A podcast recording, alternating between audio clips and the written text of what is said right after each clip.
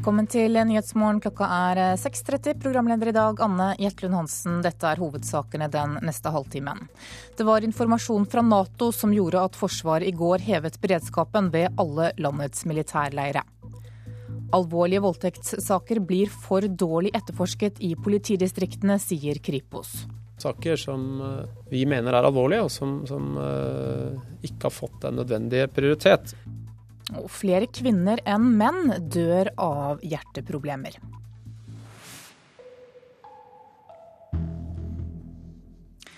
Det var opplysninger fra Nato som gjorde at Forsvaret i går ettermiddag hevet beredskapen ved alle landets militærleire, det skriver Dagbladet.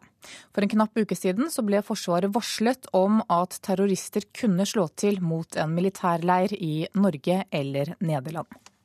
Politiets sikkerhetstjeneste, PST, og Forsvarets etterretningstjeneste har i en periode overvåket terrorceller i utlandet som skal ha hatt planer om å gjennomføre terrorangrep i Norge og andre land. Det skriver VG. I går satt Forsvaret på informasjon som gjorde at ledelsen valgte å innføre terrorberedskap A, som er det laveste nivået. Forsvaret avviser ifølge Aftenposten at det ligger dramatikk bak avgjørelsen. Samtidig gis det ingen flere opplysninger om hvorfor terrorberedskapen er hevet. Politiets sikkerhetstjeneste har på sin side ikke fått noen opplysninger som har ført til heving av trusselnivået, og vurderer terrortrusselen mot Norge som uendret, skriver Dagbladet. Stabssjef Johan Fredriksen i Oslo-politiet sier til VG at Oslo politidistrikt ikke ble varslet av Forsvaret om trusselen, mens Politidirektoratet ble varslet av Forsvarets liaison like før klokka 15 i går ettermiddag. Ifølge Politidirektoratet ble ikke politidistriktene varslet umiddelbart som følge av PSTs vurdering om at det ikke er grunnlag for å iverksette tiltak på sivil side. Samtidig opplyser Forsvaret til VG at de tar selvkritikk for at de undervurderte interessen i mediene for beredskapshevingen. Og det sa reporter Kristine Næss Larsen. Flere alvorlige voldtektssaker blir forsømt i politidistriktene. Det mener voldtektsgruppa i Kripos. Politiinspektør Reidar Brusgaard sier de ser i flere enkeltsaker at det blir gjort dårlig politiarbeid. Samtidig som utviklingen er eh, positiv, eh, så, så er det fortsatt sånn at eh, vi tidvis støtter på saker som, som vi mener er alvorlige, og som, som uh, ikke har fått den nødvendige prioritet. Politifolk landet rundt har flere voldtektssaker på pultene sine nå enn noen gang. Anmeldelsene har økt med 12% siden 2008. Det viste den nye rapporten voldtektsgruppa i Kripos kom med i går. Reidar Brusgaard leder etterforskningsseksjonen i Kripos. Han mener voldtektsarbeidet har fått en høyere status i politiet, men ser fortsatt for mange saker som blir altfor dårlig håndtert.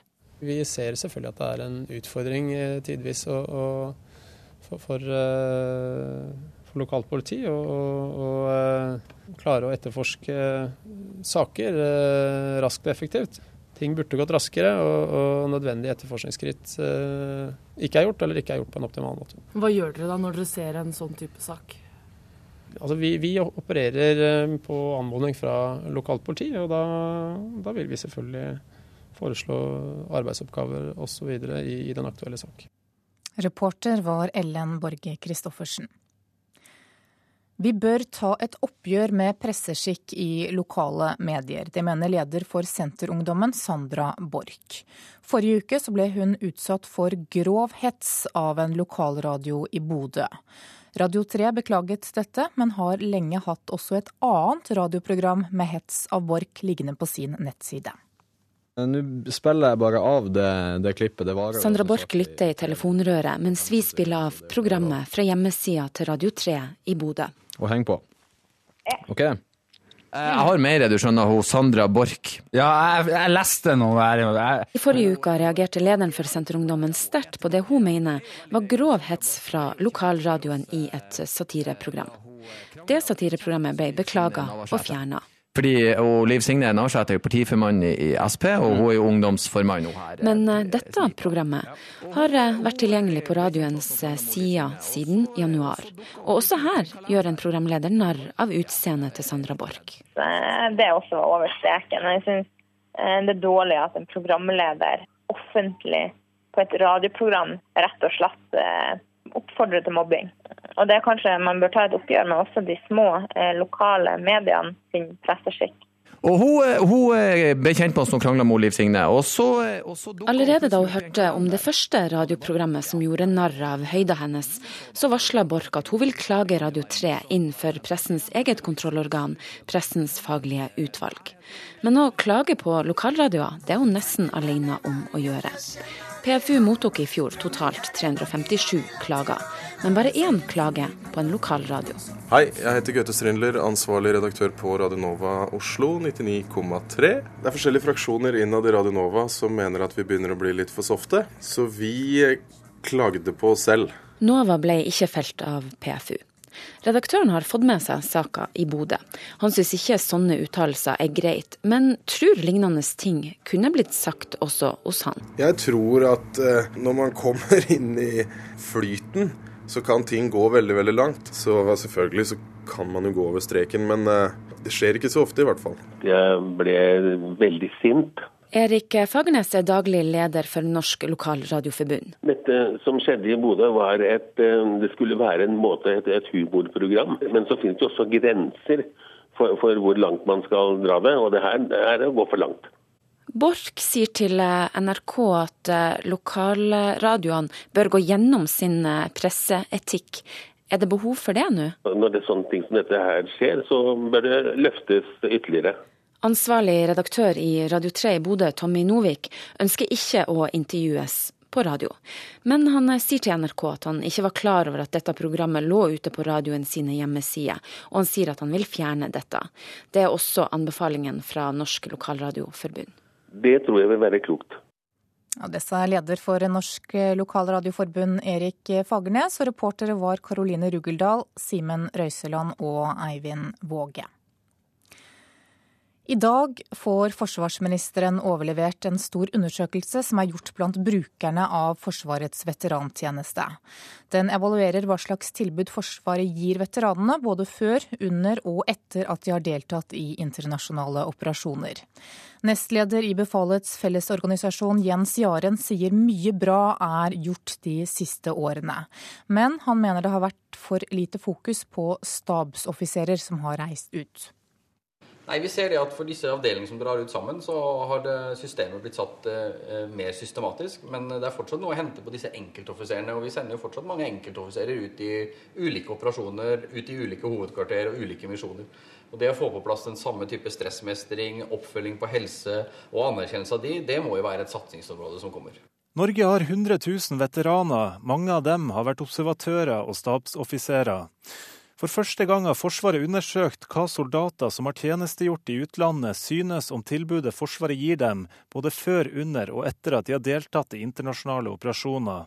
1000 personer er blitt spurt, og utviklinga går i riktig retning, mener Jens Jaren. Vi ser at uh, med det fokuset som nå er satt de siste fire-fem årene på veteransaken, med stortingsmeldinger, uh, fokus fra regjeringen, regjeringens handlingsplan, så ser vi en veldig gledelig utvikling. Og vi ser at anerkjennelsen av våre soldater Eh, kommer mer ut i samfunnet når de faktisk kommer hjem fra oppdrag. Og Det er en veldig gledelig utvikling som vi har sett de siste to til tre årene. Men ikke alt er perfekt, viser funnene i rapporten som blir overlevert til forsvarsminister Anne Grete Strøm-Eriksen i dag.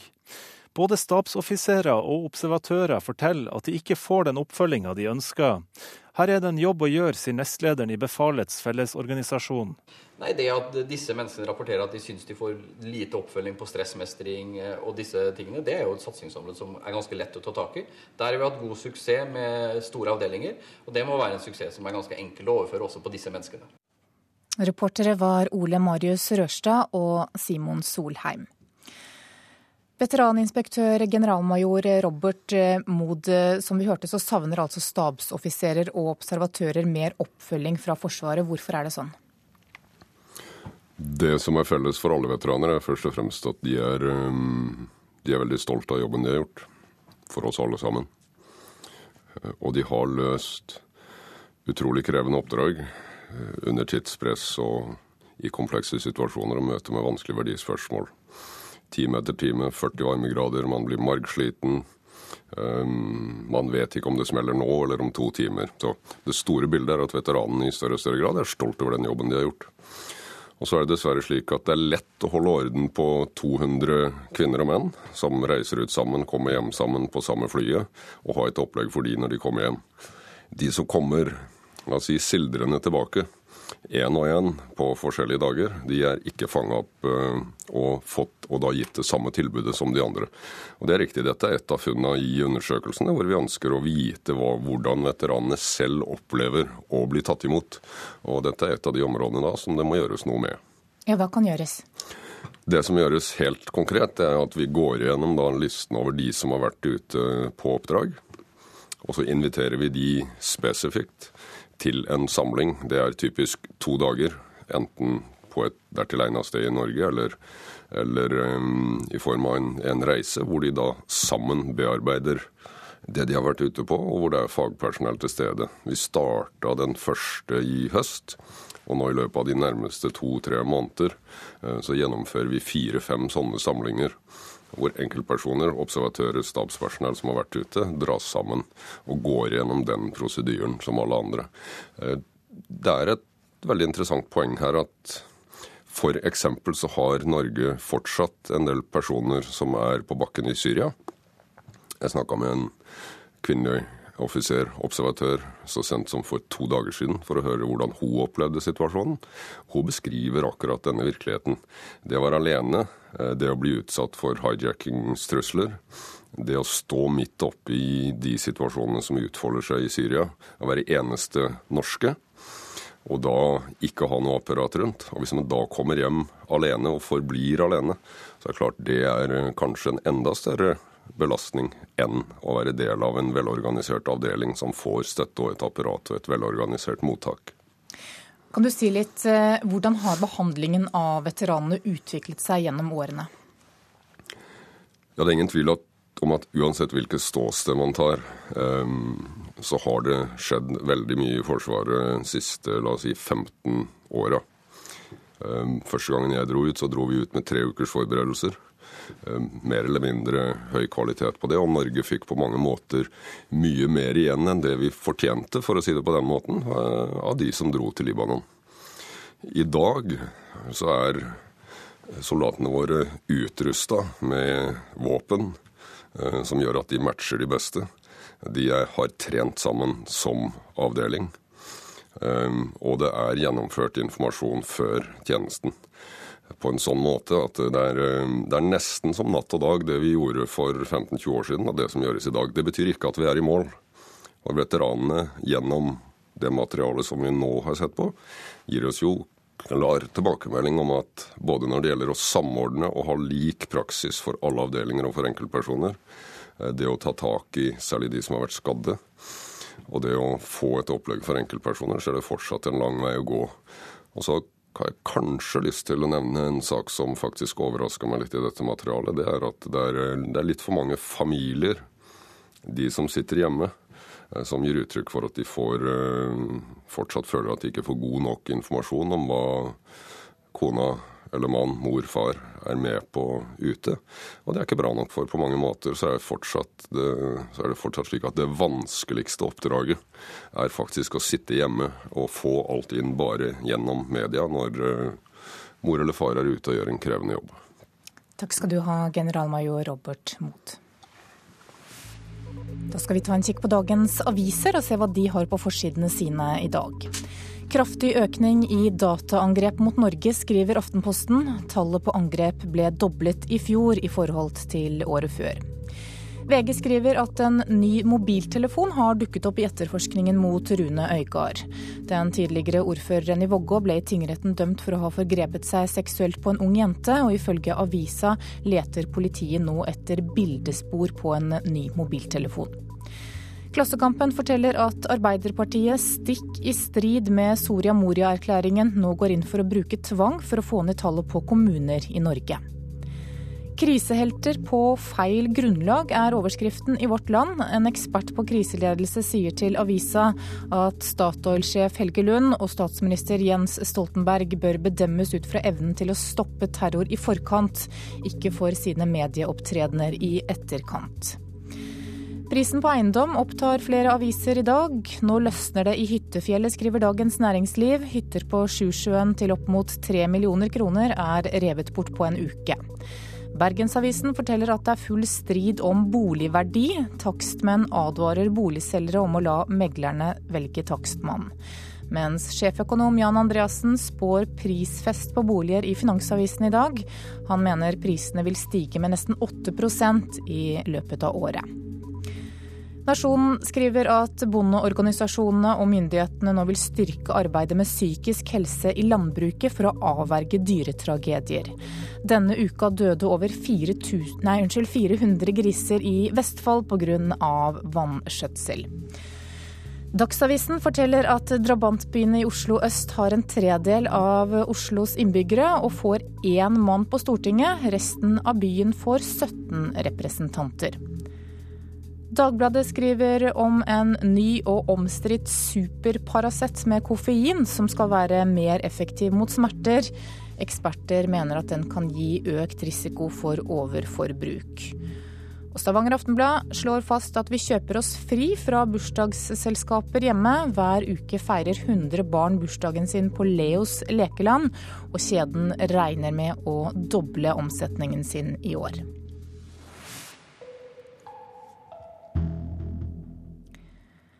Skal vi ha sport. Våre tre beste mannlige hoppere er denne helgen tilbake i verdenscupen etter å ha stått over skiflygingen i Tsjekkia. Anders Jacobsen føler nå at han har funnet tilbake til formen fra hoppuka. Jeg kjenner jo nå på både de fysiske treningene og ikke minst i hoppbakken at det, det har løsna litt igjen. Han har fått smilet, overskuddet og selvtilliten tilbake etter en tung periode. Etter andreplassen i hoppuka har ikke Anders Jacobsen imponert i hoppbakken. Sammen med Tom Hilde og Anders Bardal sto han over skiflygingen i Harakov for å få en pause fra verdenscupsirkuset. Jeg, har, eh, jeg har vel fem styrkeøkter og fem hoppøkter. Eh, så jeg har vært masse, masse hjemme sammen med familien.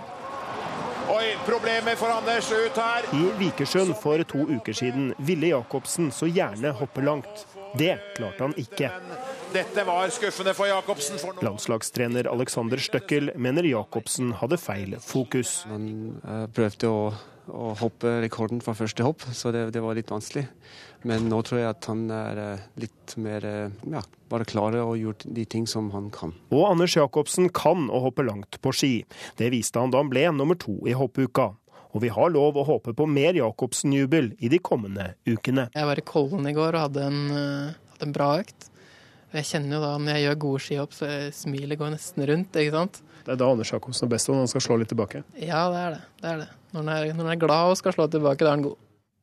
Reporter var Andreas Hagen. Du hører på Nyhetsmorgen i NRK P2 og Alltid nyheter. Klokka er 6.48, og dette er hovedsaker i nyhetene i dag. Informasjon fra Nato gjorde at Forsvaret skjerpet sikkerheten ved alle landets militærleire i går. Alvorlige voldtektssaker blir for dårlig etterforsket i politidistriktene, det mener Kripos. Og mobbing starter allerede i barnehagen.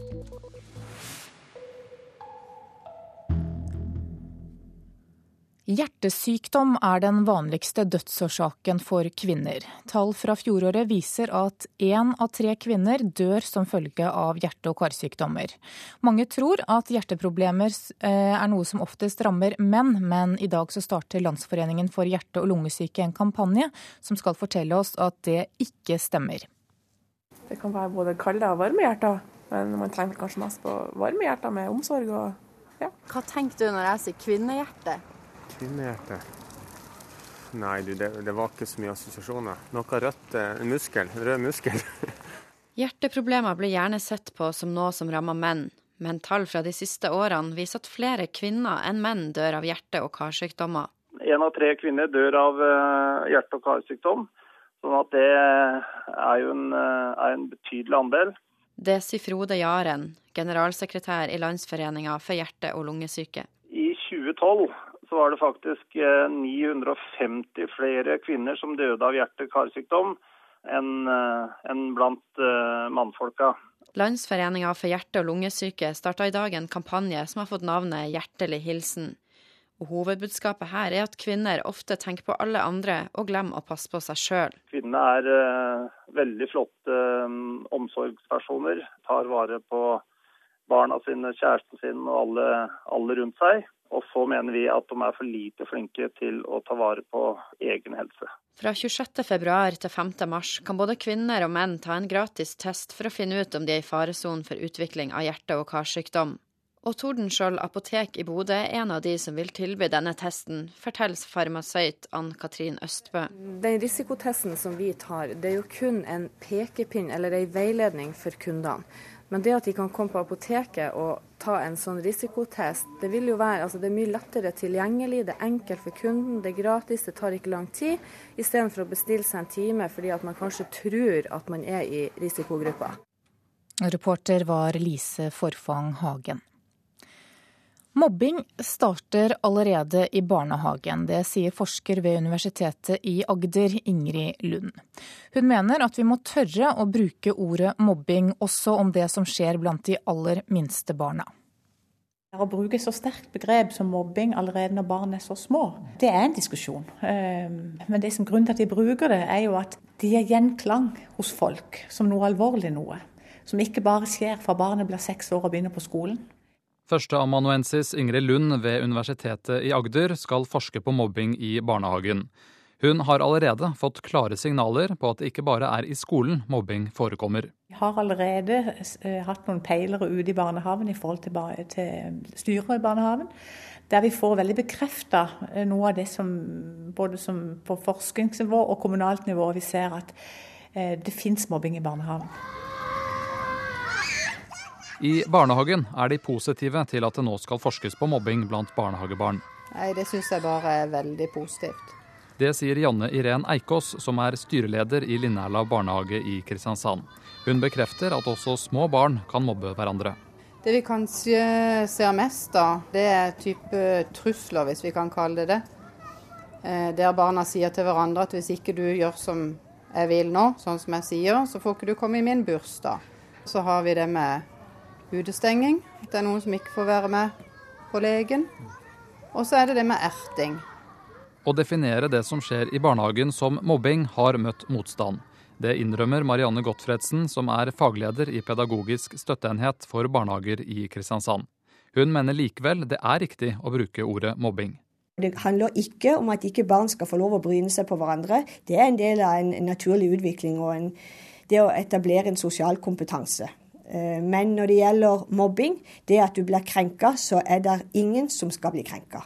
Du kan ikke øve på disse tingene. Her er det snakk om å stoppe dette fortest mulig. For krenkelser har aldri ført til at du blir mer robust. Ja, hva kan man definere mobbing som i, i barnehage? Det vi legger i begrepet mobbing, det er at et offer opplever negative handlinger av andre. Handlingene skal skje over tid og det er et, en ubalanse i maktforholdet. Gottfredsen skal støtte Lund i forskningen. Hun mener det er på høy tid at man setter fokus på mobbing i barnehagen. Det er en del ungdommer som kan berette sin historie om at de har blitt mobba. Og når de blir spurt nærmere, så viser det seg at mobbing har begynt allerede i barnehagen. Og da tenker jeg at når vi har den kunnskapen, så må vi virkelig sette inn støtet tidlig. Reporter Tom Nikolai Kolstad. Etter flere bunnplasseringer på rad og sviktende seertall, så må morgendagens vinner av Melodi Grand Prix redde interessen for konkurransen. Det mener Inge Solmo, som har skrevet boka Absolutt Grand Prix. En av artistene som kan måtte redde Norges ære, er Sirkus Eliassen.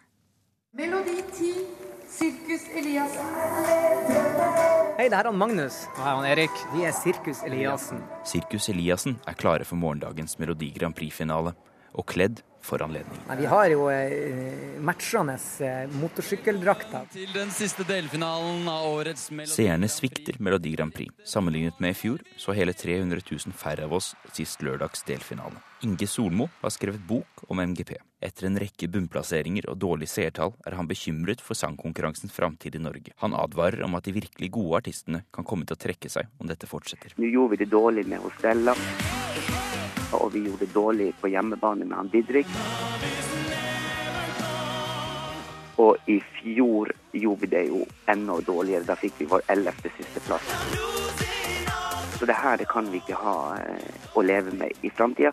Sjefen for Melodi Grand Prix i Norge, Vivi Stenberg, mener konkurransen om seerne har blitt hardere. Jeg tror altså Hver gang vi møtes har helt fantastiske tall. Det er jo eh, selvfølgelig hovedårsaken. Hun legger ikke skjul på at gode resultater i den store internasjonale finalen hjelper. Sverige, som vant Melodi Grand Prix i fjor, kan i år notere rekordhøy interesse for sangkonkurransen. Det så vi jo etter Alexander Rybak vant, så var det veldig mye spenning rundt neste års eh, delfinale og finale.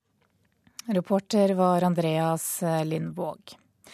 I dag så er det klart for den første Emmy Kids Awards i New York, en internasjonal prisutdeling for barneprogrammer.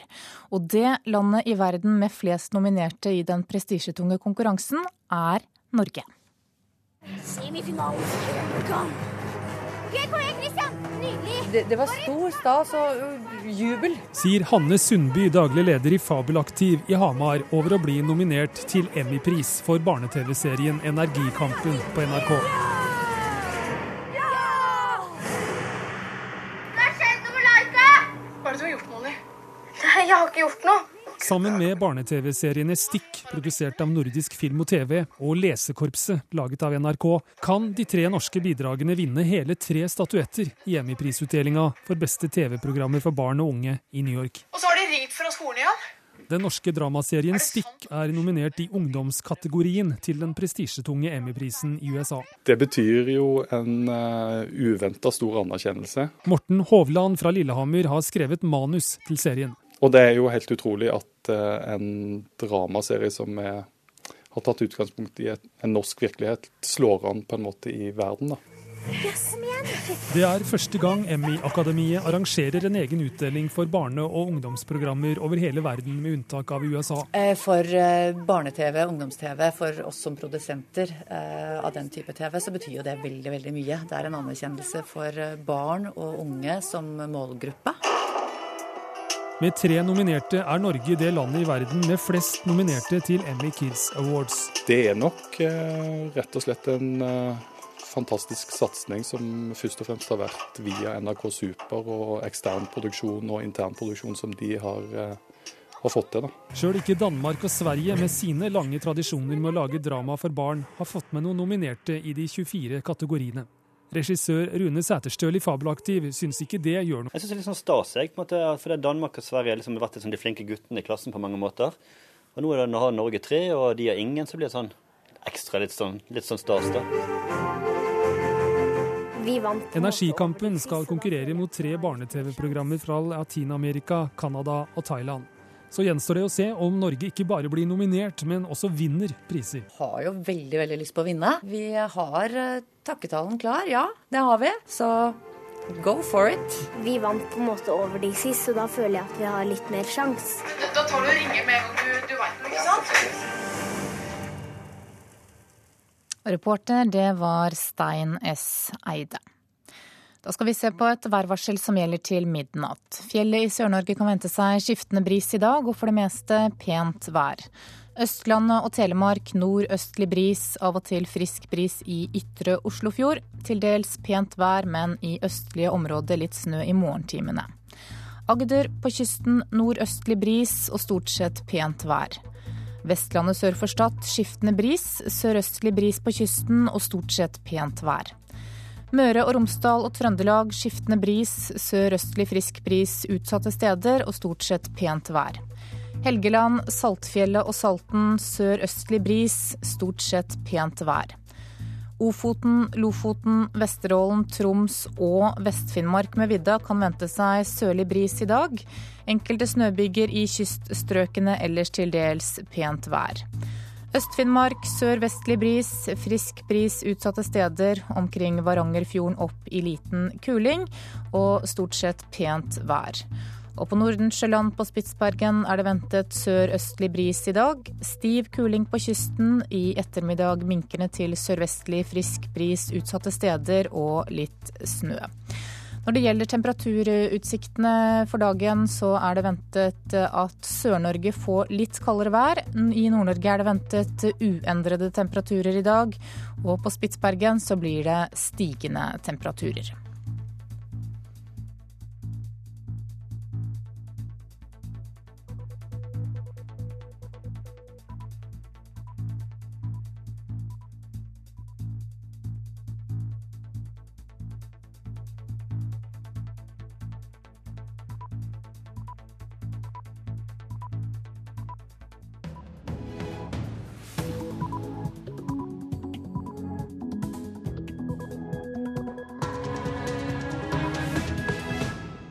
Da er klokka sju. Du lytter til Nyhetsmorgen med Anne Gjestlund Hansen i studio. Her er en nyhetsoppdatering.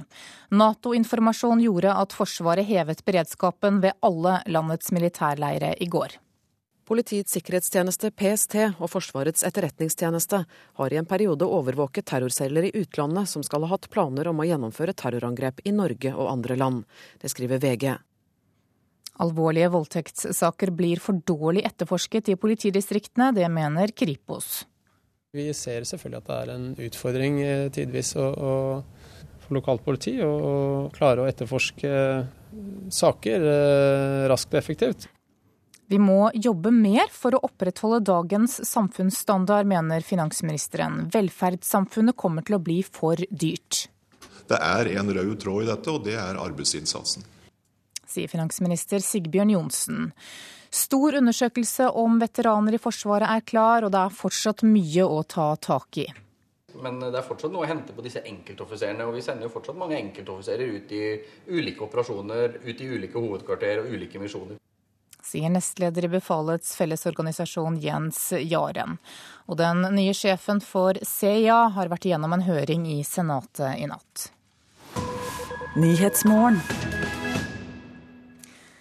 Dagens norske velferdsstat vil være altfor dyr om noen år. Inntektene må økes med 150 milliarder kroner etter dagens verdi. og Derfor så må alle nordmenn jobbe mer, bare for å opprettholde dagens standard. Ni trehvite klosser, en slags Rubiks kube for en fremtidig ingeniør på yrkesmessestand på Høgskolen i Oslo. Det ser ut som jeg må tenke litt der før dette går i orden.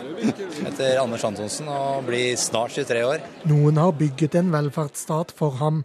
Nå har Sigbjørn Johnsen funnet ut noe. Du og jeg bør stå litt lenger i jobb, f.eks. Altså, vi lever jo lenger. Vi er friskere lenger som eldre. Det kan vi gjøre på flere måter. Det ene er pensjonsreformen, som eh, gir gode resultater. Det ser vi nå.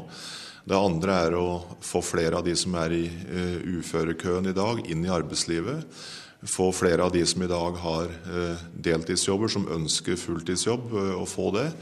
Eh, det er tre måter å øke det totale arbeidstilbudet på. Veiene, sykehusene, trygdeordningene. Det er for dyrt. Om lag 6% av BNP.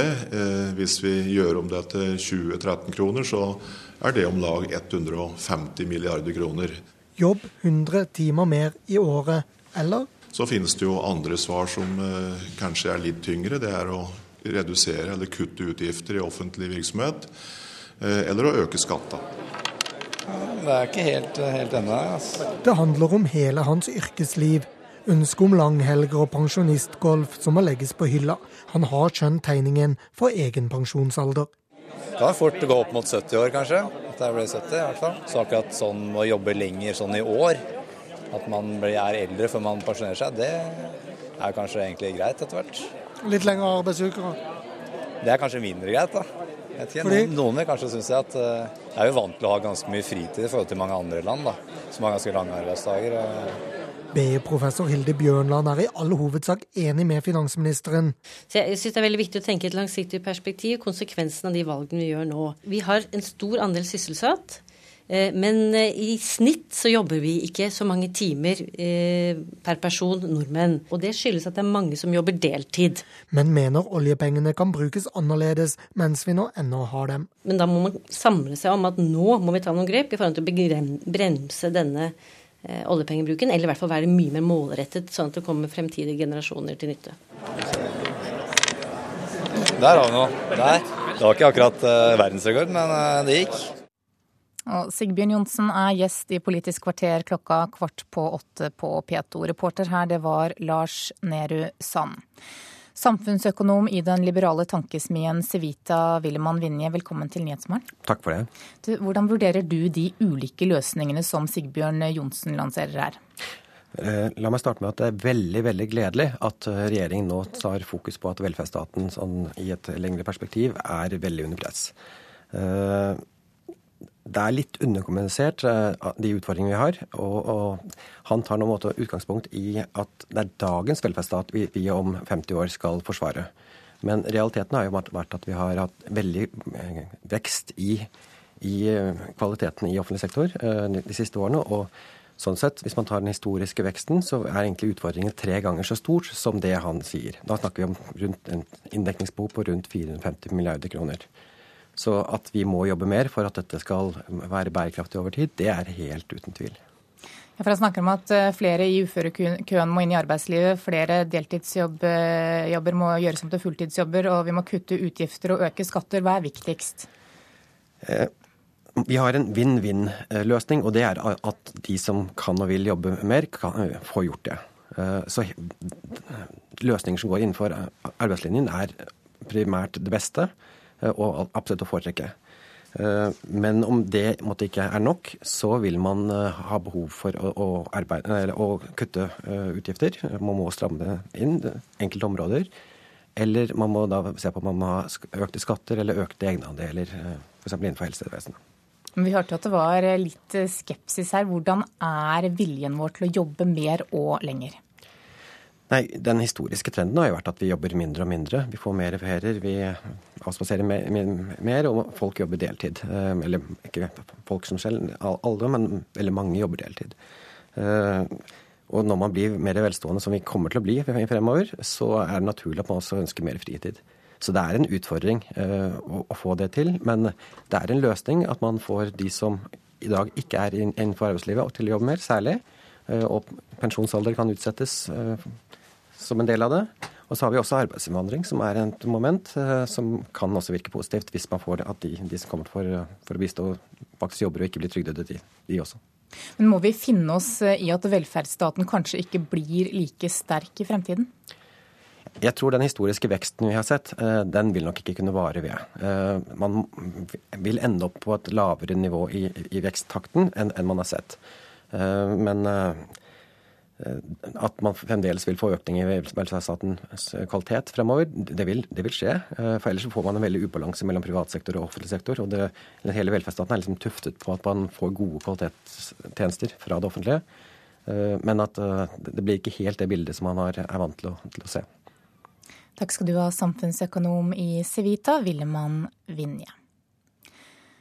Det var informasjon fra Nato som gjorde at Forsvaret i går ettermiddag hevet beredskapen ved alle landets militærleire, det skriver Dagbladet. For en knapp uke siden ble Forsvaret varslet om at terrorister kunne slå til mot en militærleir i Norge eller Nederland. Og reporter Kristine Næss Larsen, hva mer vet vi om årsaken til at dette beredskapsnivået ble hevet? Vi vet ikke mye, men eh, vi vet at Politiets sikkerhetstjeneste, PST, og Forsvarets etterretningstjeneste i en periode har overvåket terrorceller i utlandet som altså skal ha hatt planer om å gjennomføre terrorangrep i Norge og andre land. Det skriver altså VG i dag. I går satte Forsvaret på informasjon som gjorde at ledelsen valgte å innføre terrorberedskap A, som er det laveste nivået. Um, og ifølge Aftenposten så avviser Forsvaret at det ligger dramatikk bak avgjørelsen. Men samtidig så gis det altså ingen flere opplysninger om hvorfor beredskapen er hevet.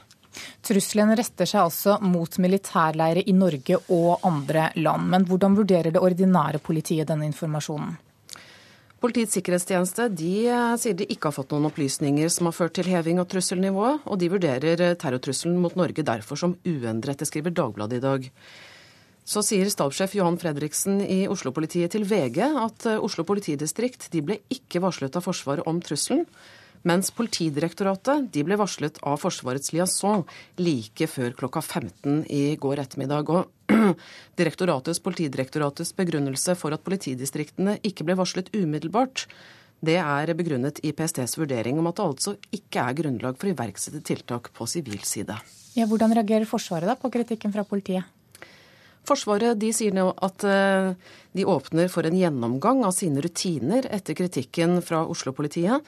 Samtidig så understreker Forsvaret at de har informert i henhold til de nåværende rutinene, eh, men at de altså muligens må se gjennom rutinene sine en gang til. Og vi kan også legge til at eh, Forsvaret opplyser til VG i dag at de også tar selvkritikk for at de undervurderte interessen i mediene for denne beredskapshevingen. Takk skal du ha, Kristine Næss Larsen. Amerikanske droner brukes bare når det er umiddelbar terrorfare. Det sier John Brennan. I en høring i Senatet forsvarte mannen, som er lansert som sjef for etterretningsorganisasjonen CIA, disse førerløse flyene til store protester fra de frammøtte. If the Capitol Police will clear the room, please. John Brennan is still mens noen løfter opp plakater med budskap om at Obamas håndplukkede CIA-sjef betyr flere dronedrap, viser andre håndflatene sine malt i rødt. Før utspørringen kom i gang, ble Kongressens politi bedt om å rydde salen. Demonstrantene klarte å avbryte høringen fem ganger før de ble kastet ut. Now,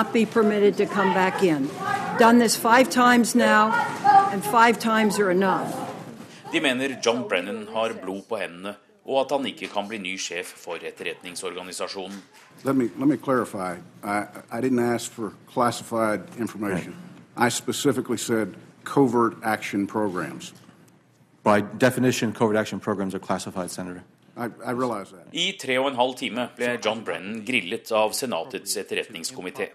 Han måtte svare på spørsmål om tortur, CIAs omstridte avhørsteknikker, angrepet som drepte en amerikansk ambassadør i Libya, lekkasjer om hemmeligstemplede opplysninger til mediene, men mest tid ble brukt på droneprogrammet.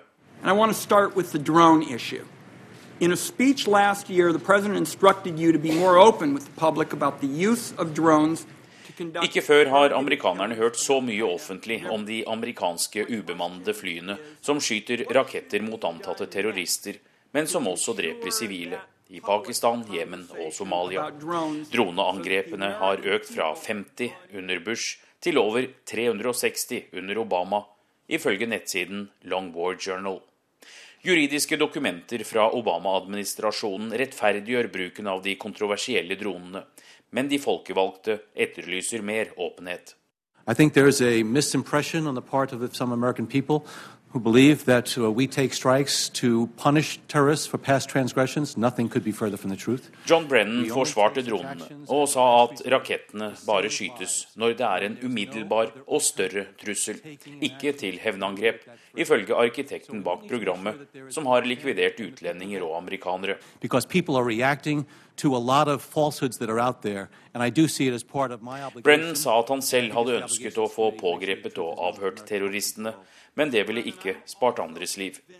Han vil også begrense droneangrepene dersom han blir CIA-sjef, og heller overlate størstedelen til Forsvaret. What we need to do is optimize transparency on these issues, but at the same time optimize secrecy and the protection of our national security. Obamas antiterrorrådgiver sa også at det er mange misforståelser og feiltolkninger om droneprogrammet, uten å være med på å oppklare av hensyn til nasjonal sikkerhet. 57-årige John Brennan har jobbet for CIA i 25 år, under republikanske og demokratiske ledere. Nå er han Obamas nærmeste sikkerhetsrådgiver og fortrolige. Uh, that is an accurate statement, Senator. Yes. Okay. Um, and can you tell me who was involved in that conversation? Who was involved in that interview? I believe that the people who were on that phone Høringen i Senatet handlet like mye om president Obamas krig mot terror som om Brennan er rett mann til å lede CIA. I don't think I've ever heard anyone more forthright or more honest or more direct Lederen for Senatets etterretningskomité, Diane Feinstein, signaliserer at Brennan kommer til å bli godkjent som ny CIA-direktør. Han skal inn til ny lukket høring neste uke. Der er fokus Nord-Afrika og hva han vil gjøre som CIA-sjef for å forsvare amerikanske interesser og møte det som ses på som en trussel fra Al Qaida-sympatisører. Anders Tvegård, Washington. Og under denne høringen så fikk altså Brennan mange spørsmål om den pågående krigen med førerløse fly i bl.a. Pakistan. Og i Pakistan så protesterer mange mot denne krigføringen på deres territorium. En krigføring utført av et land som skal være deres allierte.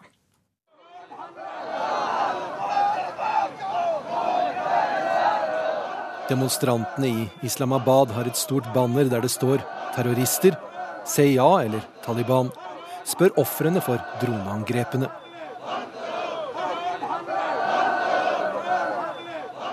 En ung mann viser skadene han skal ha fått under et droneangrep. begge føttene er vekk. Han har proteser som begynner midt på leggen.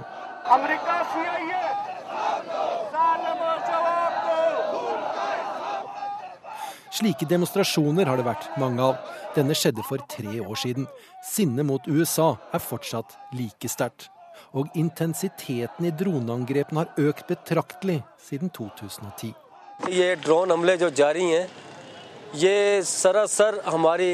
Den pakistanske advokaten Arif Niasi sa i går at den pågående dronekrigen er brudd på pakistansk suverenitet, og at den er en aggressiv handling.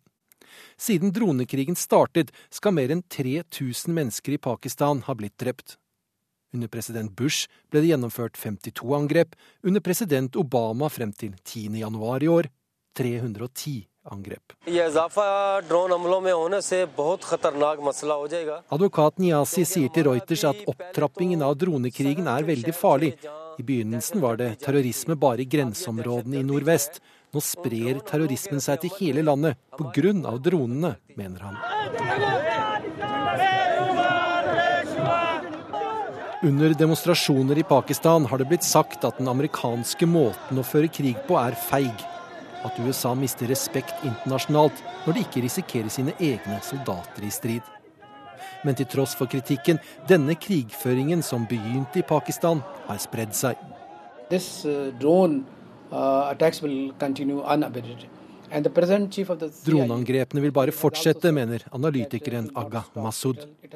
Det er amerikansk strategi å bruke droner ikke bare i Pakistan, men i Jemen, Somalia og andre steder der de føler at USA og den vestlige verdens frihet er truet. Reporter det var Halvard Sandberg. Jon Kristen Skogan, du er seniorforsker ved NUPI. Velkommen til Nyhetsmorgen. Ja, takk. Obama har altså trappet opp bruken av slike våpen. Hvorfor bruker han denne strategien? Fordi at eh, droner, eh, bruk av droner byr på en rekke fordeler fremfor å gå inn med soldater et sted. Eh, bruker du droner, så kan du sette ut av funksjon mål som er farlige for din sikkerhet, uten at du blir sittende fast der du har vært inne og, og, og tilintetgjort slike mål.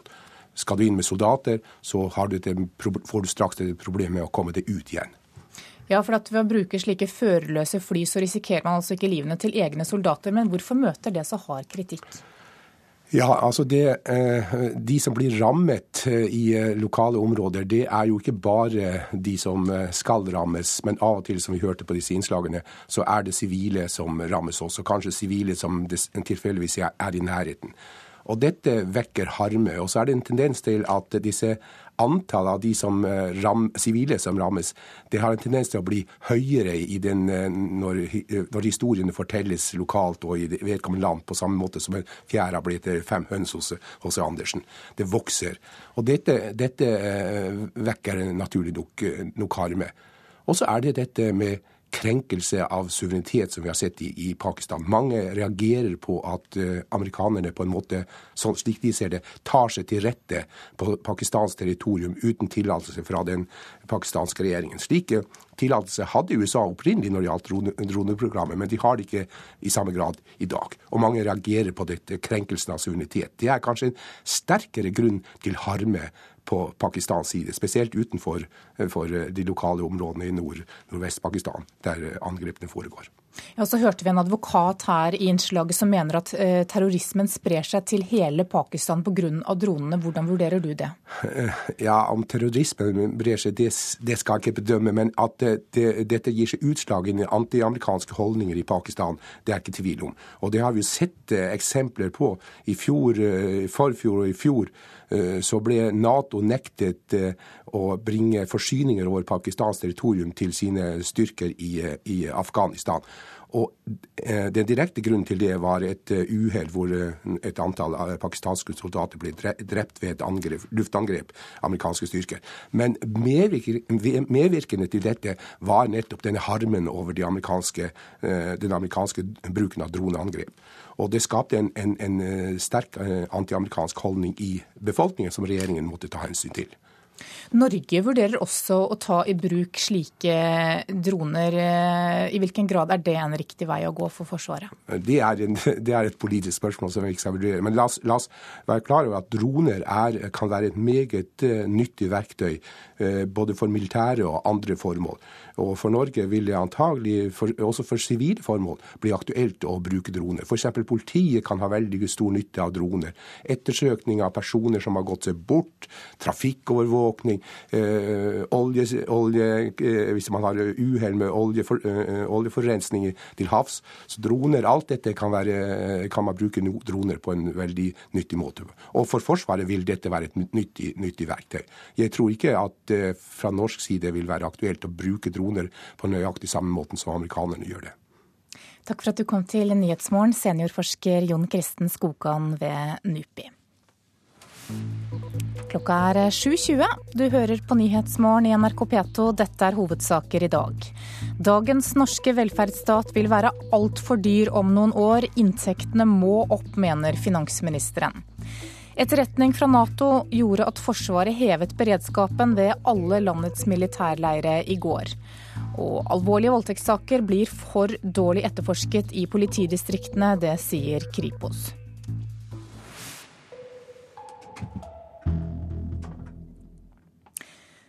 Situasjonen i Tunisia er fortsatt svært spent etter drapet på opposisjonspolitikeren Chokri Belaid onsdag morgen. De siste dagene har det vært kamper mellom politi og demonstranter i hovedstaden Tunis og i andre byer i landet. Og utenriksmedarbeider Sissel Wold, drapet på Belaid utløser altså et raseri blant folk. Men i hvilken grad stikker dette raseriet dypere enn det? Det er to ting. Det er eh, frustrasjon over forventninger som ikke er innfridd. Mange har ikke fått jobber, f.eks. Og nettopp denne eh, mangelen på innfridde frustrasjoner og ikke innfridd håp er en eksplosiv kraft. Det andre er eh, redselen for islamister, for salafister. Ikke minst hovedstaden eh, Tunis er jo en veldig sekulær hovedstad. Altså det er en stor middelklasse i Tunisia som er sekulær, som sett mot eh, Frankrike, som leser fransk, som har mye kontakt med Vesten. Og de vil ikke bøye seg for at islamister skal få en større plass i Tunisia. Hvordan er situasjonen i landet for vanlige folk nå? veldig kaotisk. I dag skal jo uh, Shukri Belaid begraves. Det er varslet mange demonstrasjoner over hele landet. Og uh, det er også varslet generalstreik fra den store fagforeningen. Sånn at uh, det er veldig kaotisk. Også vet man jo ikke helt hvem som styrer landet, fordi at statsminister Jebali han vil ha en teknokratregjering. Partiet hans Al-Nahda vil ikke det. Så her er det veldig mye som står på spill nå. Og det var i Tunisia at den arabiske våren startet for to år siden, og dette førte til at diktatoren Sine Abedin Ben Ali måtte gå av. Hva har blitt oppnådd siden den gang? Tunisia hadde jo et veldig vellykket valg som foregikk eh, stille og rolig. Og det har jo vært eh, ganske eh, stille og rolig de siste årene. Men mye har jo murret under overflaten. Det ser vi nå. Den store forskjellen er jo at folk også, som vi ser i Egypt, har mistet frykten. Så ting er veldig endret, selv om gatebildene ligner litt på det vi så for to år siden. Hvordan, kan du si litt om hvordan tiden har vært etter den arabiske våren i disse landene? Ja, det har jo vært veldig uh, urolig. Mange forventninger har kommet. Uh, nye politikere har prøvd å ordne opp i land hvor det har vært mye kaos. Og jeg tror at uh, vi i Vesten vi tror jo at etter en revolusjon i et arabisk land, så skal ting ordne seg etter det første valget, og ting skal være på skinner etter et år. Men jeg må bare minne om at den franske revolusjonen varte i 13 år. Takk skal du ha, utenriksmedarbeider Sissel Wold. Da skal vi ta en kikk på dagens aviser og se hva de har på sine forsider i dag. Kraftig økning i dataangrep mot Norge, skriver Aftenposten. Tallet på angrep ble doblet i fjor i forhold til året før. VG skriver at en ny mobiltelefon har dukket opp i etterforskningen mot Rune Øygard. Den tidligere ordføreren i Vågå ble i tingretten dømt for å ha forgrepet seg seksuelt på en ung jente, og ifølge avisa så leter politiet nå etter bildespor på denne nye mobiltelefonen. Klassekampen forteller at Arbeiderpartiet, stikk i strid med Soria Moria-erklæringen, nå går inn for å bruke tvang for å få ned tallet på kommuner i Norge. Krisehelter på feil grunnlag er overskriften i Vårt Land. En ekspert på kriseledelse sier til avisa at Statoil-sjef Helge Lund og statsminister Jens Stoltenberg bør bedømmes ut fra evnen til å stoppe terror i forkant, ikke for sin medieopptreden i etterkant. Prisen på eiendom opptar flere av avisene i dag. Nå løsner det i hyttefjellet, skriver Dagens Næringsliv. Hytter på Sjusjøen til opp mot tre millioner kroner er revet bort på en uke. Bergensavisen forteller at det er full strid om boligverdi. Takstmenn advarer boligselgere mot å la meglerne velge takstmann. Mens sjeføkonom Jan Andreassen spår prisfest på boliger i Finansavisen i dag. Han mener prisene vil stige med nesten 8% i løpet av året. Nasjonen skriver at bondeorganisasjonene og myndighetene vil styrke arbeidet med psykisk helse i landbruket for å avverge dyretragedier. Denne uka døde over 400 griser i Vestfold pga. vanskjøtsel. Dagsavisen forteller at drabantbyene i Oslo øst har en tredel av Oslos innbyggere, og får inn én mann på Stortinget. Resten av byen får 17 representanter. Dagbladet skriver om en ny og omstridt superparasett med koffein, som skal være mer effektiv mot smerter. Eksperter advarer og mener at parasetten Paraceten kan gi økt risiko for overforbruk. Og Stavanger Aftenblad slår fast at vi kjøper oss fri fra bursdagsselskaper hjemme. Hver uke feirer 100 barn bursdagen sin på Leos lekeland, og kjeden regner med å doble omsetningen sin i år.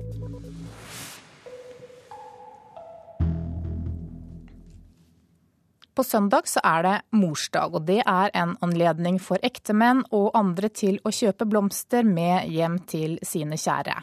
Og en bukett til et par hundre kroner kan fort vise seg å være en god investering på både kort og lang sikt. Wise only fools rush ja, det er alltid kjekt med blomster. Det liker jeg godt. Roser er absolutt det fineste. Ja, det gjør jeg jo selvfølgelig. Det pynter opp hverdagen, det.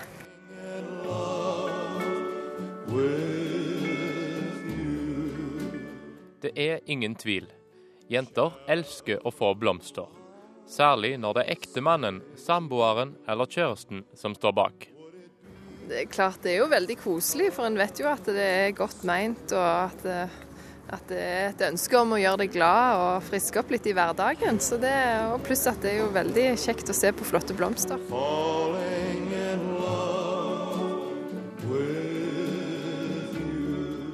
Ranunkle, peoner, hortensia, Hanne Ustad Christensen er daglig leder på Blomst i Sandnes.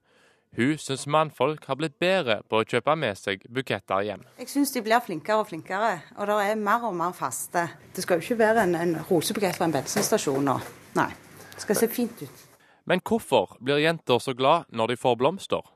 Jo, for det er jo det at eh, en føler at den andre har sett deg, eller ønsker deg eh, noe godt og vil glede deg. Så det er jo med på en måte å bekrefte relasjonene mellom folk, da.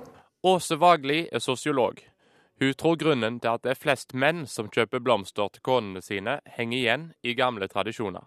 At uh, det var mannen som hadde penger og, og, hånd om økonomien. Så det var han som liksom hadde råd i gaver å kjøpe blomster.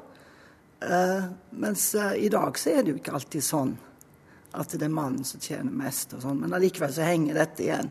Er du en av de som sjelden eller aldri kommer på å kjøpe med deg en blomsterbukett hjem? Vel, slapp av, du er ikke alene. Men det er veldig, veldig sjelden. Det er sånn når jeg er med, og så sparker til han og gir han beskjed at nå må jeg gå. Ja vel. Ut ifra jeg får i dag, for vi har bryllupsdag, men det har jeg sikkert glemt.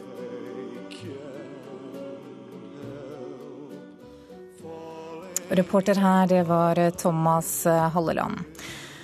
Du hører på Nyhetsmorgen i NRK P2. Produsent for sendingen i dag heter Sjan Erik Bjørnskaug. Her i studio Anne Jetlund Hansen. Og nå blir det straks Dagsnytt 7.30 ved Ida Creed.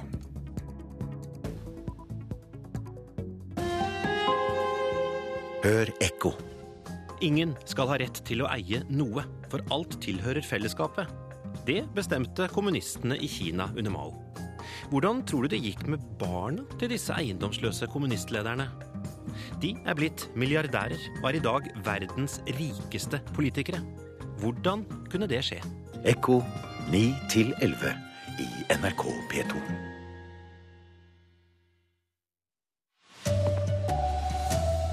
Nordmenn må velge, sier finansministeren. Jobbe mer eller kutte i velferden. Norske militærleire er fortsatt i beredskap etter terrortrussel. Melodi Grand Prix-interessen svikter etter flere år med dårlige plasseringer. God morgen, her er NRK Dagsnytt klokken er 7.30. Dagens norske velferdsstat vil være altfor dyr i løpet av 50 år. Inntektene må økes med 150 milliarder kroner etter dagens verdi. Derfor må alle nordmenn jobbe mer, bare for å opprettholde dagens standard, sier finansminister Sigbjørn Johnsen. Det er en rød tråd i dette, og det er arbeidsinnsatsen. Færre på trygd, færre på deltid, lengre arbeidsdager, 100 timer mer arbeidsinnsats per år. Sigbjørn Johnsen har en oppskrift. Altså, Vi lever jo lenger. Vi er friskere lenger som eldre. Alternativet er skatteøkninger eller velferdskutt. Trygdeordningene, veiene, helsevesenet. Dagens velferdsstat er ikke bærekraftig i 2060. For studenten handler det om hele hans yrkeskarriere. Jeg heter Anders Antonsen og blir snart 23 år. En Rubiks kube-lignende utfordring for ingeniørstudenten på yrkesmesse. Men jeg ser ut som jeg må tenke litt der før dette går i orden. Han skjønner hvor det bærer om noen år. Så akkurat sånn å jobbe lenger sånn i år, at man er eldre før man pensjonerer seg, det er kanskje egentlig greit etter hvert. BI-professoren ser at nordmenn jobber mindre. Hilde Bjørnland forstår finansministeren, men sender også en hilsen i retur. Politikerne er ikke langsiktige i sin bruk, for de, jo, de, opererer jo innenfor en gitt periode. Men nettopp derfor er det så viktig med perspektivmelding, og derfor er det så viktig og bra at han poengterer disse tingene. Men mener oljepengene kan brukes annerledes mens vi nå ennå har dem. Da må man samle seg om at nå må vi ta noen grep i forhold til å bremse denne eh, oljepengebruken, eller i hvert fall være mye mer målrettet, sånn at det kommer fremtidige generasjoner til nytte. Perspektivmeldingen som blir lagt frem i dag skal ta for seg de viktige og langsiktige utfordringene i norsk politikk. Og Sigbjørn Johnsen er gjest i Politisk kvarter klokken kvart på åtte på P2. Reporter var Lars Nehru Sand. Det var etterretningsinformasjon fra Nato som førte til at Forsvaret i går valgte å øke terrorberedskapen ved alle landets militærleire. Det skriver Dagbladet. En norsk eller nederlandsk militærleir ble sett på som sannsynlige mål. Og pressetalsmann for forsvarssjefen Vegard Finnberg, Dagbladet skriver altså at det var opplysninger fra Nato som førte til at beredskapsnivået ble hevet. Hva slags opplysninger var det egentlig? Eh, dette er Eh, opplysninger som jeg ikke kan eh, bekrefte. Jeg kan altså ikke gå inn på eh, sannheten i, i disse opplysningene. Men, men, det er fortsatt viktig da, i denne saken, å få formidle at det ikke er noe dramatikk i dette. og at Forsvaret benytter det laveste beredskapstrinnet, som i hovedsak dreier seg om, om økt årvåkenhet. Ja, hva innebærer den økte hevingen i beredskapen ved alle landets militærlære? Eh, som, som, eh, jeg innleda med, så er det altså dette det laveste beredskapstrinnet som eh, Forsvaret kan benytte seg av. Og, og det er den økte årvåkenheten som, som er hovedprinsippet. og Detaljer i, i handlinger kan jeg ikke gå i detalj på. Flere politidistrikter uttrykker, uttrykker frustrasjon over at de ikke ble varslet av Forsvaret. Hva tenker du om det? Prosedyrer er fulgt. Så kan man da selvfølgelig i ettertid, eh, tatt reaksjonen i betraktning, eh, se om gjeldende prosedyrer er eh, gode nok. Takk til deg, pressetalsmann for forsvarssjefen Vegard Finnberg. Stabsoffiserer som har vært i utenlandstjeneste får lite hjelp fra Forsvaret, mener nestleder i Befalets Fellesorganisasjon Jens Jaren. I dag får forsvarsministeren overlevert en omfattende undersøkelse som evaluerer tilbudet Forsvaret gir veteranene, både før, under og etter de har deltatt i internasjonale operasjoner. Nei, vi ser det at For disse avdelingene som drar ut sammen, så har systemet blitt satt eh, mer systematisk. Men det er fortsatt noe å hente på disse enkeltoffiserene. Og vi sender jo fortsatt mange enkeltoffiserer ut i ulike operasjoner, ut i ulike hovedkvarter og ulike misjoner. Og Det å få på plass den samme type stressmestring, oppfølging på helse og anerkjennelse av de, det må jo være et satsingsområde som kommer. Så skal vi høre at eh, flere alvorlige voldtektssaker blir forsømt ute i politidistriktene. Det sier voldtektsgruppen i Kripos. Politiinspektør Reidar Brusgaard sier de i flere enkeltsaker ser dårlig arbeid. Samtidig som utviklingen er eh, positiv, eh, så, så er det fortsatt sånn at vi tidvis støter på saker som, som vi mener er alvorlige, og som, som ikke har fått den nødvendige prioritet. Politifolk landet rundt har flere voldtektssaker på pultene sine nå enn noen gang. Anmeldelsene har økt med 12% siden 2008. Det viste den nye rapporten voldtektsgruppa i Kripos kom med i går. Reidar Brusgaard leder etterforskningsseksjonen i Kripos. Han mener voldtektsarbeidet har fått en høyere status i politiet, men ser fortsatt for mange saker som blir altfor dårlig håndtert. Vi ser selvfølgelig at det er en utfordring eh, tidvis å, for, for, eh, for lokalt politi å eh, klare å etterforske saker raskt og effektivt. Ting burde gått raskere, og, og nødvendige etterforskningsskritt ikke er gjort, eller ikke er gjort på en optimal måte. Reporter Ellen Borge Christoffersen. I California i USA jakter nå store styrker på en tidligere politimann som har erklært krig mot sin tidligere arbeidsgiver. Mannen skal allerede ha drept tre personer.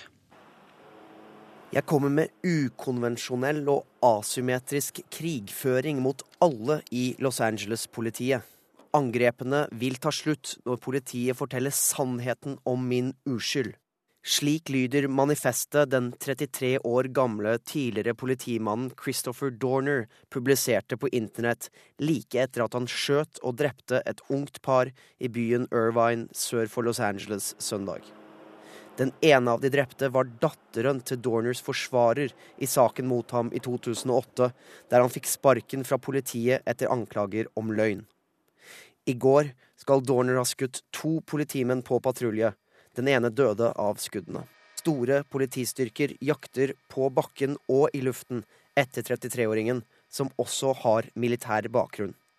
Dette bekymrer politisjef i Los Angeles, Charlie Beck. Uh, han vet hva han driver med. Uh, Vi trente ham jo.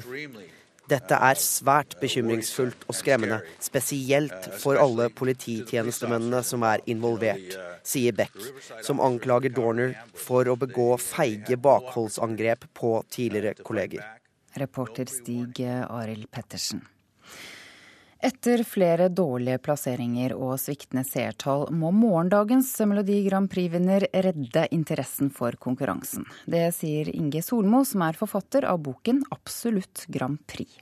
Nå gjorde vi det dårlig med Hostella, og vi gjorde det dårlig på hjemmebane med han Didrik.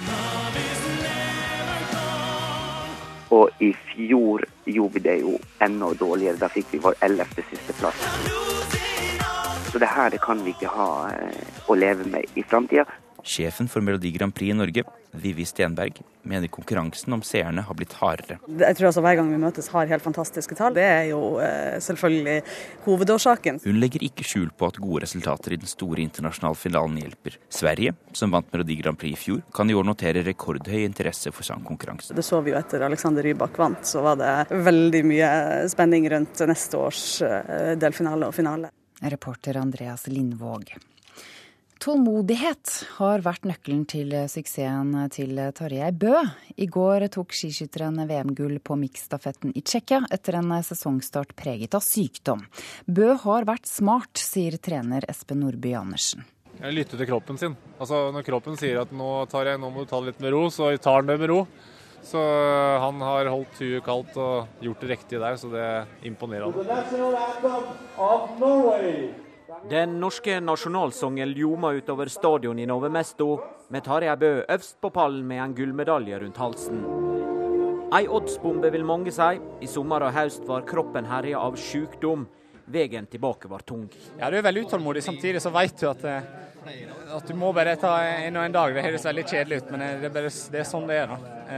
Eh, og Det er helt forferdelig når start, sesongstarten gikk og jeg så på TV. Og det er mange negative tanker, men nå må du bare vri det over til at, at VM er, de greie i år. og bare utsette all presset til VM. og ja, Det ser ut til at det traff bra. Ja, altså Det er jo helt fantastisk hva han får til med den, den bakgrunnen han har fra i høst. Med sykdom som har prega han over lang tid, helt ifra juni. Så at han presterer som han gjør nå, det er på en måte egentlig mot alle odds. Reporter Ole Rolfsrud. Ansvarlig for denne sendingen er Elin Pettersen, teknisk ansvarlig Frode Thorshaug. Jeg heter Ida Creed.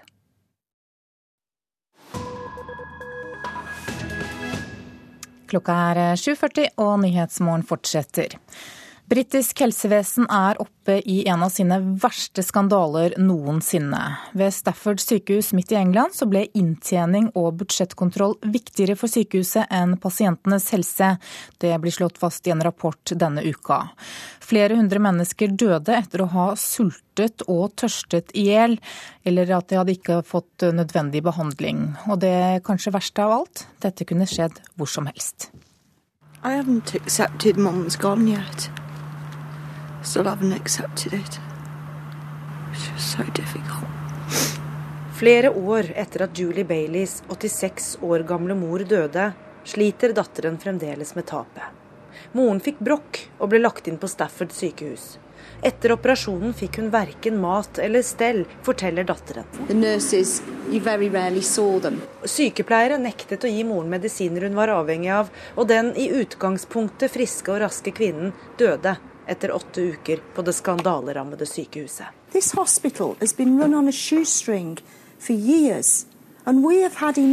Nok er nok, tenkte Julie Bailey da hun hørte om mange lignende historier. Hun startet kampanjen 'Reparer helsevesenet', som denne uka vant en slags seier da rapporten etter granskningen av sykehuset avdekket forferdelige forhold ved Stafford sykehus. This is a story of appalling and unnecessary suffering dette er historien om flere hundre unødvendige dødsfall, sa granskningsleder Robert Francis.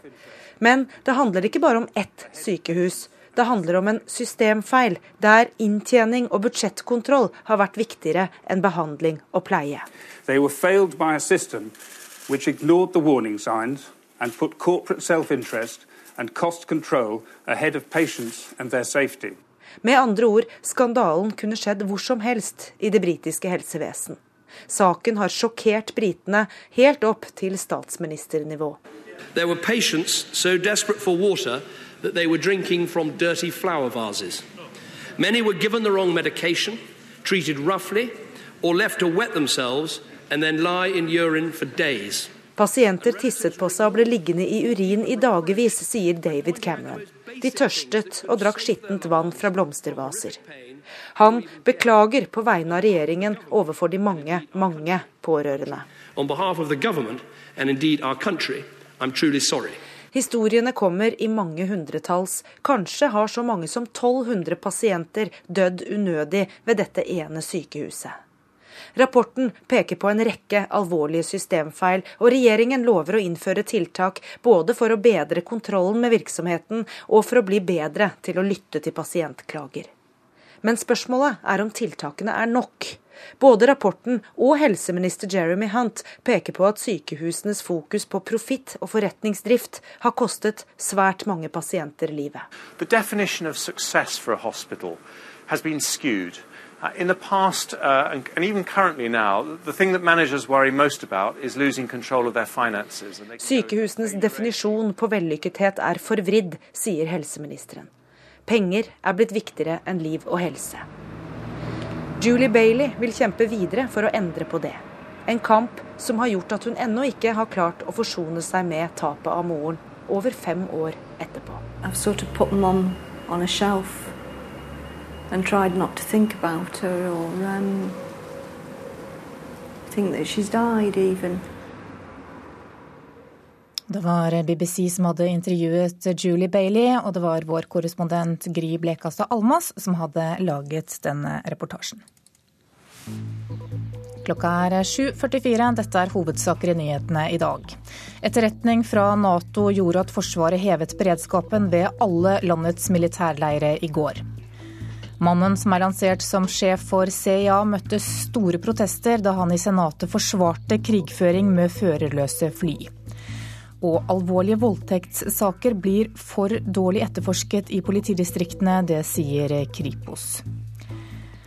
Og om noen tiår så har ikke Norge råd til velferden vi har i dag hvis vi ikke gjør noe. Og Politisk kvarter løfter blikket, programleder Bjørn Myklebust.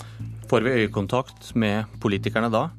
Rekke opp hånda alle norske politikere som er klare til å kutte i velferden.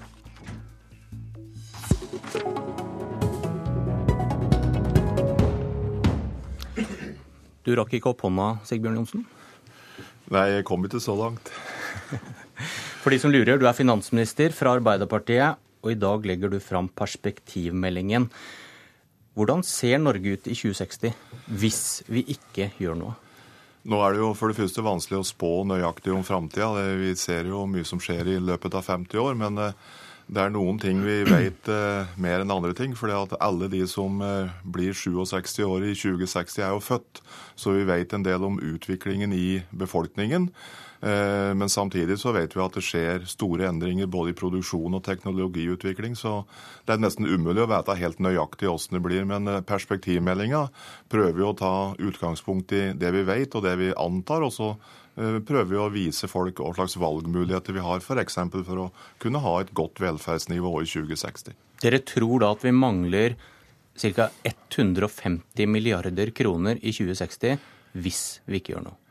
Ja, det det, det det, bygger på, er at vi eh, har samme kvaliteten og samme mengden på velferdstjenester i dag. Og så på å si, ganger vi det med en eh, befolkning som blir eldre, og der levealderen øker. Og så sier vi at for å ha nøyaktig samme velferd i 2060 med den forutsetningen, så må vi øke enten inntekten eller kutte andre utgifter med om lag 150 2013-kroner. Hva hadde skjedd hvis du skulle kutte 150 milliarder i statsbudsjettet for 2013? Ja, Det hadde vært utrolig vanskelig. Eh, eh, og Det minner meg for så vidt om en helt annen ting. og Det er jo at det er mange land rundt oss i Europa som faktisk kutter statsbudsjettene i den størrelsesorden. og Det illustrerer jo på en veldig god måte en slags god situasjon Norge er i i dag. Men vi må òg jobbe eh, for å få en så god situasjon i tida framover. Forrige perspektivmelding kom i 2009. og Presenterer dere disse store utfordringene i stortingsvalgår for å sikre at det glemmes raskt? Nei, det er nok eh, mer det at det er tidstabellen som er slik. For det, eh, er jo naturlig når du Stortinget er jo fireårsperioder, og det er naturlig ved eh, inngangen til en ny stortingsperiode. Slik har det vært siden 1948, da det første langtidsprogrammet kom. Hva slags grobunn er det for å diskutere denne type problemer i et valgår? Det har vel ikke tradisjon for at dette blir store saker som diskuteres eh, mye i offentligheten? eller? Politikken har jo det ved seg at den ofte blir eh, litt stutt, i den forstand at eh, det handler veldig mye om enkeltsaker. Og jeg tror det er både riktig og fornuftig å lette blikket. Eh, og det, eh, det, er jo mange saker som en diskuterer i Stortinget som peker langt framover. Eh, klimameldinga er et eksempel, pensjonsreformen. Det jobbes med Nasjonal transportplan, så det er jo planer som peker flere år framover. Perspektivmeldinga har jo det ved seg at den peker enda lenger fram, altså 50 år fram i tid. Men, men bør nye valgløfter om bygging av sykehjemsplasser og, og det du nevnte her, fra nå av ha et slags følgebrev der man sier hvordan, hva dette vil utløse av problemer i framtida? For, for sånn har man vel ikke tenkt til nå? Eh, på Hedmarken har vi jo et uttrykk som heter 'stutte og lange penger'. Eh, og de lange pengene er jo forpliktelser som vi tar på oss i dag, som eh, bærer langt over tid. Og jeg tror det er, blir viktigere og viktigere at vi politikere òg diskuterer pengebruken i et lengre forløp. Det var bakgrunnen for pensjonsreformen som kom i 2011, og som for så vidt nå viser seg å ha gode virkninger. Så de, en må aldri tape av syne i et valgår eller i andre år at det du driver med i dag, òg får følger for framtida. Hvor, hvor mange av disse 150 milliardene får du hjelp av ved pensjonsreformen? Ganske mye, for vi har noen beregninger i, pensjon, i perspektivmeldinga som viser at noe av hovedhensikten med pensjonsreformen var å få folk til å stå lenger i jobb, altså utsette pensjoneringstidspunktet. Det skjer faktisk i dag, og hvis det, den trenden holder seg, så, så, vil mye være gjort faktisk eh, i 2060. Men så er det snakk om da at eh, dette her er beregninger ut fra velferdsnivået vi har i dag, og hvis man følger kurven historisk på hvordan velferden har utvikla seg, så hørte jeg da Wilhelm Vinje fra Civita sa at da snakker vi 450 milliarder kroner vi mangler i 2060. Ja, i de eh, eh, framføringer som det heter, som eh, vi har gjort i perspektivmeldinga, så er det helt riktig at eh, hvis vi fortsetter å øke en økning av både velferdsstandarden og mengden velferdstilbud, så er det noe av det som eh, vil øke utgiftene mest over tid fram til 2060. Hvis vi ikke klarer å jobbe nok ved hjelp av pensjonsreformen og andre tiltak, hvordan skal du klare å kutte? Hvordan skal man begynne der? Ja, det, det, som du sier, det er vanskelig å kutte i velferden, men er, vi viser også at det å bruke penger bedre, altså få mer velferd ut av hver krone som vi setter inn, en, kan være et viktig bidrag. Men uh, hovedsvaret er egentlig at uh, vi som land uh, må øke den totale arbeidsinnsatsen. Og det er kanskje den enkleste eh, og på mange måter den beste måten. For det som òg skjer i løpet av 50 år, er at vi blir friskere, vi lever lenger, og vi har egentlig mye mer arbeidsinnsats igjen når vi blir eh, litt opp i åra, i forhold til f.eks. For min foreldregenerasjon. Man kunne sett på verdens beste sykelønnsordning? Ja, men eh, det kan nok komme dit at en må se på innretningen av velferdsordninger i et 50-årsperspektiv. Eh, Hvis vi ser 50 år bakover, så ser vi jo litt av det motsatte. Men eh, jeg mener at det enkleste svaret, i hvert fall for deg og meg, det er å si at vi må prøve å se hvordan vi kan øke den totale arbeidsinnsatsen. For det er aldri populært å kunne øke skatter eller å kutte i velferden. Men det jeg hørte du si nå, var at sykelønnsordningen kan stå for fall. Kanskje man må gjøre avstanden mellom trygd og arbeid mindre. At det er jo ikke utenkelig i, i, det perspektivet du snakker om nå. Det er to ting. Det ene er at du må ha eh, ordninger som gjør at alt er ellers slikt, at det skal lønne seg å jobbe. Eh, samtidig så ser vi at det har skjedd eh, i hvert fall de siste, de siste to åra en god utvikling når det gjelder sykelønn gjennom inkluderende arbeidsliv og det vi kaller IA-avtalen. Eh, og så må vi jo heller ikke glemme at eh, trygge og gode sosiale ordninger faktisk bidrar til å øke arbeidsinnsatsen, fordi at folk føler større trygghet rundt arbeidssituasjonen. Det er veldig få politikere som vil snakke om kutt og innstramminger, men slik var det vel med pensjonsreformen nå, men man ble vel tvunget til å gjøre det? Det som skjedde med pensjonsreformen, var at den eh, kom med forslag som eh, dempa veksten i pensjonsutbetalingene. Altså pensjon kommer til å øke. så de ja, som Det var derfor jeg sa innstramming. Ja, ikke sant? Altså De som eh, blir pensjonister om 30 år, vil ha en, en pensjon som er mer verdt enn det pensjon er for, for tilsvarende i dag. Men dere er i ferd med å prøve å skape en slags kriseforståelse, da? for å berede for de tiltak som kanskje blir nødvendig? Jeg tror det er veldig viktig for den politiske diskusjonen og for den alminnelige diskusjonen at eh, folk ser hva slags valgmuligheter vi har. Eh, jeg tror det bidrar til å lette den politiske debatten og eh, opp på et nivå når det er mer så mer overordnede og lange linjer. For det, det er faktisk slik at det er ingen fribilletter til noen ting. Vi gjør ting i dag som får følger for i morgen og tida lenger framover. Men alt løser seg altså hvis vi jobber mer. Filosof Einar Øvrenger, velkommen. Takk. Du har tenkt rundt nordmenns forhold til arbeid. og Hvordan har vi sett på det å jobbe? Ja, Det har gått i faser. Det har blitt sett på som et uh, nødvendig onde og som et sted Det var i gamle dager noe man måtte gjøre for å overleve, uh, og det måtte man. Min bestefar han jobba i skogen og bodde i gjørkoie. Det er ikke så veldig lenge siden. Uh, til å være et sted hvor du eventuelt skal realisere deg. Til å være et sted hvor du bør egentlig komme deg så fort som mulig ut av for å kunne realisere deg. Nå studerer man lenger, og så blir man pensjonist tidligere. Eh, og det spørs om ikke vi må begynne å se på arbeid som også i seg selv et, et uttrykk for velferd. Eh, og historisk sett det å kunne på en måte eh, ernære seg selv, eller det å kunne håndtere sitt eget liv, mestre sitt eget liv, på en måte ikke trenge å ha støtte, altså alle sånne ting, det er gode for mennesker. Og det spørsmålet som er interessant Én ting er at mennesker skal få lov til å slutte å jobbe eller jobbe mindre av helsemessige grunner. Synes jeg er fint. Men er alder interessant i den sammenheng? Er, er, alder per se noe som gjør at du ikke burde jobbe? Er det bra for deg når du når en viss alder og ikke skulle jobbe eller jobbe mye mindre? Sånne typer spørsmål er ganske interessant. Eller er det sunnere for deg? For vi vet jo mennesker som blir støtt ut av arbeidslivet mot sin vilje, f.eks du skal ikke være lenge ute da før det helsemessig har store negative virkninger på deg. Det er veldig mye ting ved det som, som er problematisk knytta til det. Men, men, hvordan kommer vi fra det du snakker om, at, at jobb da blir sett som ja, en, en, slags byrde fremdeles, som man da vil ut av for å realisere seg sjæl? til det å leve det gode liv i jobben, som det sier? Hva Nei, gjør man da? Vi, det er mange måter å gjøre det på. Jeg tror det er altså, tunge industriarbeidsplasser så sier jeg at ved en viss alder så kan det ikke gjøre noe med hvor mange sånne er det igjen, da?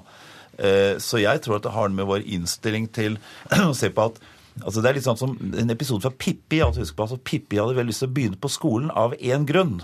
For da kunne hun få ferie. Altså for Hun gikk ikke på skolen, da fikk hun heller ikke ferie. Og Det, sånn, altså, derfor, det var eneste grunn hun hadde lyst til å begynne. Og det er noe med opplevelsen at man tror at den der evige ferien som skal oppstå et eller annet sted når du har jobbet så og så lenge, det tror jeg ikke noe særlig på. Jeg er ikke sikkert det er så veldig sunt for oss. Det er mange måter å tilrettelegge for. Det gjøres noe allerede. Men det har noe med våre perspektiver. Det å se på at det faktisk er et gode i seg selv det å oppleve at det er et behov for deg i samfunnet, at du har noe å tilby osv., det skulle ikke ha noe med alder å gjøre i det hele tatt. Det perspektivet her. Nå kan vi ta mennesker som ikke er spesielt gamle, og sette som, som kan bli veldig veldig gamle, hvor de skal leve 25 og 30 år som, som ikke-produsenter, men som rene konsumenter. Og Jeg er veldig usikker på om det er bra for samfunnet, om det er bra for oss, om det er bra for egen selvforståelse, om det er godt for helsa. Jeg tror faktisk ikke det. Og der tror jeg det har noe med sånn ikke bare hva politikerne gjør, men vårt perspektiv på hva et godt liv er egentlig, er det å stå utenfor. Skal vi ha veldig veldig mange gamle mennesker som rett og slett bare står utenfor og konsumerer? Jeg vet ikke, altså Rent økonomisk dette, dette, er en litt, dette er en utfordring til sidemannen, dette? Nei, jo, men altså ja, men jeg, vi har noen aldersgrenser? Ja, jo, jo, selvfølgelig. Men altså, likevel, det har noe med vårt perspektiv her. Jeg liker jo valgfrihet veldig godt. Jeg tror at vi skal få lov til at vi skal ta ganske mange vesentlige valg i våre liv. Men jeg er veldig usikker på om vi skal ha folk i 25-30 år som på en måte bare skal motta, ikke bidra. ikke sant? Altså Det perspektivet der tror jeg man kan løfte frem litt, i hvert fall. Jeg, jeg tror du er inne på veldig mange viktige ting. Punkt én er at eh, arbeidslivet kommer til å endre seg over 50 år. men eh, det du egentlig sier, er jo at eh, arbeids glede og velsignelse, som det heter i et gammelt ord, det tror jeg er ganske viktig. og Derfor så må en jo jobbe etter flere spor. Sørge for at du har et innhold i arbeidslivet som gjør at folk faktisk kan glede seg til å gå på jobb. At du har et anstendig og godt arbeidsliv. Eh, og en må ikke undervurdere altså arbeidslivet som det du kaller sosial arena. Det å ha arbeidskamerater, det å kunne være i et fellesskap er utrolig viktig. Og, og, eh, Det er jo en grunn til at eh, det er så viktig for oss i politikken å sørge for å holde arbeidsledigheten unna, bidra til høy yrkesdeltakelse. Tenk på de 25 millioner mennesker i Europa som nå har mistet, eller som nå er utafor arbeidslivet. Alle de unge som ikke ser muligheter inn i arbeidslivet. Det gjør noe med samfunnet vårt. Så et godt arbeidsliv eh, der folk trives, eh, er kanskje mye av nøkkelen til både å ha et godt liv, men òg bidra til å dekke da, dette gapet mellom utgifter og inntekter i 2060. Men kan en kriseforståelse, som vi snakket om her i starten, hjelpe til å endre den innstillingen? Er det en sånn... Ja, det er klart at en stor krise, det som skjer i Europa, er jo nettopp det. Men, men, det går an kanskje an at vi begynner å diskutere litt og tar tak i litt sånne selvfølgelighetene. At sånn må det nødvendigvis være. Når du begynner å komme liksom tidlig i 60-årene, så skal du altså begynne å tenke på hva skal du liksom bruke de neste 30 åra til utenfor arbeidslivet. Det mener jeg er et feil perspektiv. Ja, men er ikke det naturlig, da? Vi blir rikere og rikere, og så har vi lyst til å bytte noe av den rikdommen i fritid? Om det er naturlig, tviler jeg sterkt på. Det er veldig naturlig å kunne håndtere sitt eget liv og mestre sin egen hverdag og, og fø seg selv. Det er svært naturlig. Jeg er veldig usikker på om, om, det er så veldig naturlig. Jeg tror veldig mange mennesker finner faktisk veldig mye mening i å jobbe, og ikke nødvendigvis å stå utenfor. Jeg hørte den typisk som skjer når folk går av 2, 3, 4, 65, at det første gjør er å dra tre uker til Syden. Den er kjærkommen som kommer hjem igjen. Og hva skjer nå? på en eller annen måte. Og Jeg tror at det belaster samfunnet på veldig mange negative måter. En ting er hvis det er noen som tenker at jeg skal skrive bok, jeg skal realisere meg, så jeg skal plukke opp masse hobbyer. Men jeg tror ikke det er det som skjer engang. Det tror jeg er noe av problemstillingen. Skal du, skal du hindre det, Johnsen, at, man, at den rikdommen vi tross alt uh, får mer og mer av, skal byttes inn i fritid? Kan du det er ingen tvil om at uh, som vi sa i sted, at vi over uh, livsløpet må belage oss på å jobbe noe mer. og Eh, vi ser jo f.eks. at eh, den faktiske pensjoneringsalderen går opp som følge av pensjonsreformen. Det er veldig bra. Så blir vi stadig flere eldre, og det kan godt hende at eh, når vi blir enda litt eldre, at vi ser på andre måter å ta vare på hverandre. Altså, så det skjer endringer i arbeidslivet, men det å ha noe å drive med, både som gir deg inntekt og fellesskapet inntekt, tror jeg blir viktigere og viktigere. Og at det blir større vekt på det, det er jeg ganske sikker på. Kort til slutt, Øvrenge. Tenker vi for lite på framtida? Ja, i den forstand. altså tenker også at det er et eh, at vi på en måte, det, det har et perspektiv at vi skal melde oss ut på et eller annet tidspunkt. Det tenker jeg er helt feil perspektiv å ha, i hvert fall. Og det tror jeg det nye, nye velferden og nye privilegiene og nye opplevelser av gode liv tror jeg nok er at det er behov for deg, at det har betydning helt uavhengig av hvilken alder du er. Einar Øvrenge, Sigbjørn Johnsen, takk for at dere kom til Politisk kvarter, som er slutt. Jeg heter Bjørn Myklebust.